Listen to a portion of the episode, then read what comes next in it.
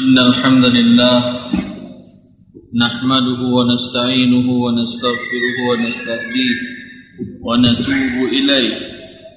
أشهد أن لا إله إلا الله وحده لا شريك له. أشهد أن محمدا عبده ورسوله. أرسله بين يدي الساعة بشيرا ونذيرا وداعيا إلى الله بإذنه وسراجا منيرا. صلوات ربي وسلامه عليه وعلى آله وصحبه ومن اهتدى بهديه واستنى بسنته إلى يوم القيامة وبعد. إخواني وأخواتي في الله. Tema kita kajian kali ini tentang zuhud. Zuhud berasal dari kata zahada yazhadu. Berarti mana? Artinya meninggalkan atau tidak melakukan atau terhalangi untuk melakukan. Maka banyak orang yang meninggalkan dunia dengan makna kata zuhud yang mereka pahami tersebut. Dan banyak terminologi zuhud dalam setiap golongan. Kita sebagai seorang muslim tentu yang kita memahami dalam masalah zuhud adalah apa yang dijelaskan yang dilakukan oleh Rasulullah sallallahu alaihi wasallam dan para sahabatnya ridwanullah alaihim ajma'in. Terkadang orang memahami zuhud tadi berarti tidak perlu bekerja. Tidak perlu mencari dunia. Tidak perlu mencari harta. Tidak perlu menikah. Betulkah ini bermakna zuhud? Kita lihat kehidupan Rasulullah sallallahu alaihi wasallam. Beliau memiliki istri sembilan. Kemudian para pengikut beliau sahabat ridwanullah alaihim ajma'in. Bahkan di antaranya cucu beliau Al-Hasan bin Ali sampai Ali bin Abi Thalib mengatakan kepada kaum muslimin wahai kaum muslimin jangan kalian terlalu gampang menerima tawaran anak saya bila dia meminang salah seorang anak gadis kalian. Karena Hasan sifatnya terlalu gampang menceraikan istri. Sehingga diriwayatkan beliau memiliki istri yang banyak. Maksimal tentu empat. Tapi diceraikan diceraikan diceraikan gonta ganti istri beliau. Tapi mereka adalah orang-orang yang zuhud.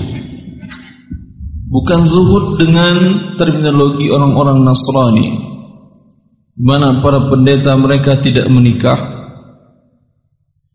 rahib mereka tidak menikah tidak mau bekerja mencari dunia.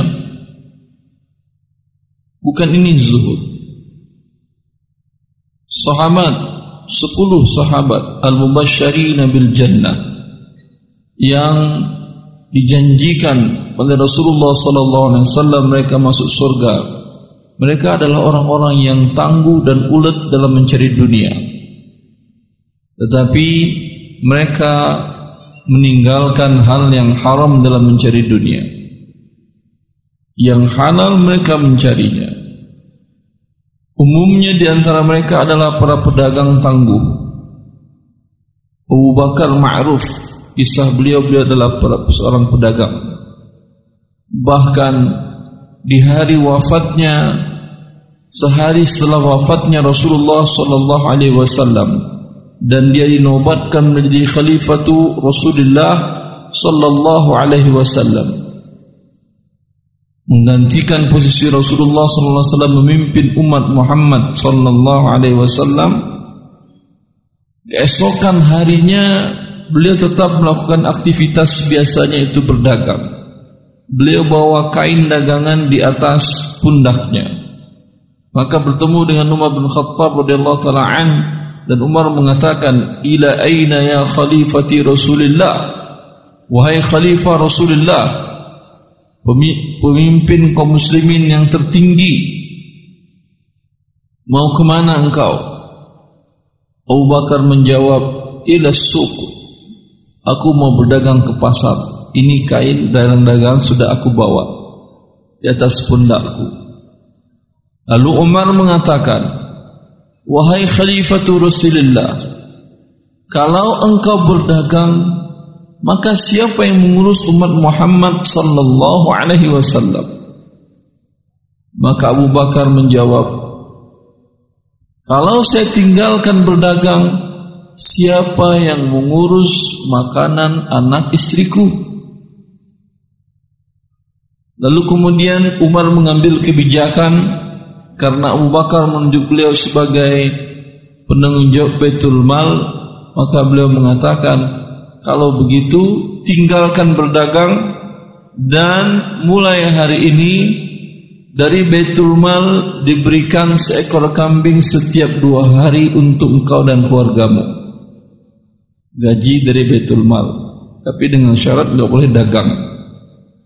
Maka seorang pejabat kalau sibuk dengan dagang pasti terabaikan atau konflik of interest tentang kepentingan pribadinya dengan jabatannya itu mesti berbenturan. Ini telah dicamkan pertama kali oleh Umar bin Khattab radhiyallahu taala an di mana khalifah Rasulullah sallallahu alaihi wasallam tidak boleh berdagang dan diberikan biaya hidupnya dari Baitul Mal. Ini orang yang terdekat dengan Rasulullah sallallahu alaihi wasallam. Yang Rasulullah Sayyidus Zahidin, Sayyidus Zuhad, pemimpinnya orang-orang yang zahid, pemimpinnya orang-orang yang zuhud. Dan Abu Bakar adalah pengikut terdekat beliau. Dan beliau menunjukkan zuhud bukan berarti berhenti berdagang. Bahkan statusnya kemarin diangkat jadi pemimpin tertinggi menjadi khalifah tetap beliau melakukan perbuatan mencari dunia yang halal ini. Bahkan Alais bin Sa'ad seorang ulama tabi'in beliau seorang pedagang kaya. Alais bin Sa'ad Samarqandi ma'ruf. Beliau seorang ulama hadis dan fuqaha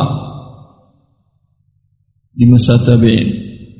Ketika ditanyakan kepada beliau, "Ya Aba Sa'ad, ila mata?" Wahai Abu Sa'ad, sampai kapan engkau terus berdagang? Beliau menjawab, "Aturidu ayatamandala bina haula?" Apa arti tamandal? Apa arti tamandal? Ya tamandal, tamandala ya tamandalu. Bukan mandala pesawat terbang bukan. Mindil, mindil apa artinya? Ini mindil. Ya tamandal dijadikan menjadi tempat cuci tak tempat melap tangan. Kata Les bin Sa'ad sama Pandi, kalaulah kita para ulama tidak memiliki harta tidak berdagang, tidak berusaha, maka kita akan dijadikan tempat cuci tangan orang-orang kaya. Di mana mereka memberikan bantuan hibah hadiah kepada para ulama tersebut, kemudian minta fatwa, pasti jawabannya boleh, halal, bagus, afdal. Tidak akan pernah terdengar kata haram tidak boleh, jangan lakukan, nanti masuk neraka. Kalau itu dilakukan, gaji putus. Ada yang berani? Tidak berasap dapurnya lagi. Itu dikatakan oleh Abu Lais misal Samarqandi. Para ulama kita dikenal orang-orang yang berdagang dan melakukan profesinya. Ibnul Mubarak Sebelumnya para sahabat radhiyallahu alaihi majma'in seperti saya katakan tadi sepuluh dijamin masuk surga tadi umumnya mereka para pedagang dimulai dari Abu Bakar Umar Utsman dikenal sebagai orang kaya raya. Dijamin masuk surga Rasulullah. Ali bin Abi Thalib juga berdagang. Kemudian Abdurrahman bin Auf lebih lagi. Ketika beliau wafat lebih 3 juta dinar kekayaan beliau. Sekitar lebih dari 100 ton emas ini yang zuhud ya akhi. Memiliki ratusan ton emas tetapi harta tidak menguasainya. Dia yang menguasai harta. Dia tidak takut memberikan harta ini. Dia pernah mengatakan berwasiat, kalau saya wafat, maka setiap para sahabat Rasulullah SAW yang masih hidup, yang pernah ikut perang Badar, setiap orangnya, setiap jiwa dapat 40 ribu dinar. 40 ribu dinar berapa kilo itu? 40 ribu dikali 4,25 gram. Coba cepat angkanya berapa? Hah?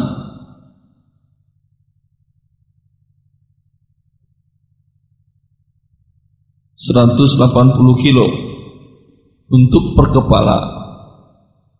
Salah antum kali.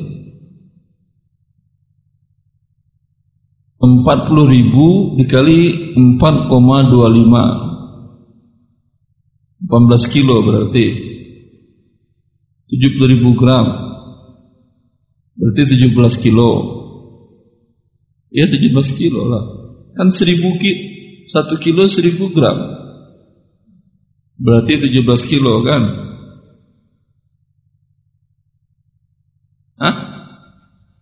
170 kilo ah Masya Allah 40 ribu eh maaf iya 40 ribu 170 kilo gram emas. Dia punya 3 juta, segitu belum ada artinya kan ya. Nah, dia punya 3 juta dinar, itu berapa ton berarti? Sekitar 13 ton lebih emas yang dia punya.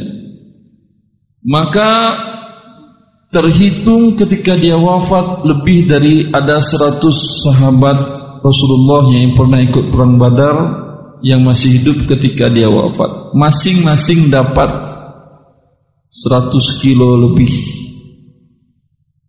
emas. Emas itu akhir, bukan imitasi, bukan kuningan, emas. Emas murni.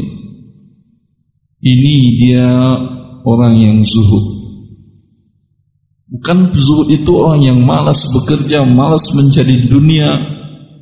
Ya, dengan mengatakan dunia akan membelenggu saya. Kau punya dunia dikit takut dibelenggu dia.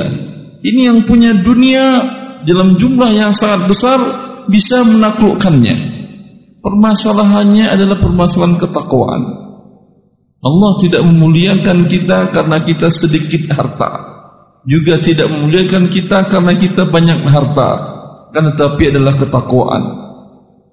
Karena banyak manusia dilalaikan dengan banyak harta juga banyak manusia yang merasa tidak menerima takdir Allah ketika hartanya sedikit. Maka zuhud intinya adalah ar-ridha bima qasamallahu alaik engkau ridha dengan apa yang diberikan oleh Allah kepadamu anda sudah berusaha maksimal, Allah berikan sedikit redho, jangan pernah menggurutu. Anda berusaha dan Allah berikan dunia banyak, redho dengan ini dan bersyukur kepada Allah. Gunakan dia untuk sesuatu yang diredai oleh Allah Azza wa Jalla. Cukup jelas berarti hakikat zuhud jelas? Dan Imam Ibn Mubarak seorang ulama tabi'in ketika orang-orang mengatakan beliau adalah seorang yang zuhud kata beliau yang zuhud bukanlah saya yang zuhud adalah khalifah Umar bin Abdul Aziz. Sepertiga dunia di waktu itu di tangan beliau. Tetapi dunia tidak masuk ke hatinya. Dunia tidak menguasai dia. Bahkan gaya hidupnya berubah 100% semenjak beliau menjadi khalifah. Yang sebelumnya satu pakaian gamisnya itu beliau beli dengan harga seribu dinar. Beliau mengatakan, wah ini kok masih kurang mantap ya bajunya.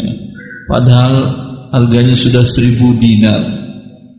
Ketika beliau menjadi khalifah, beliau semua hartanya diberikan ke Baitul Mal dan beliau hidup dengan baju yang beliau beli 10 dirham.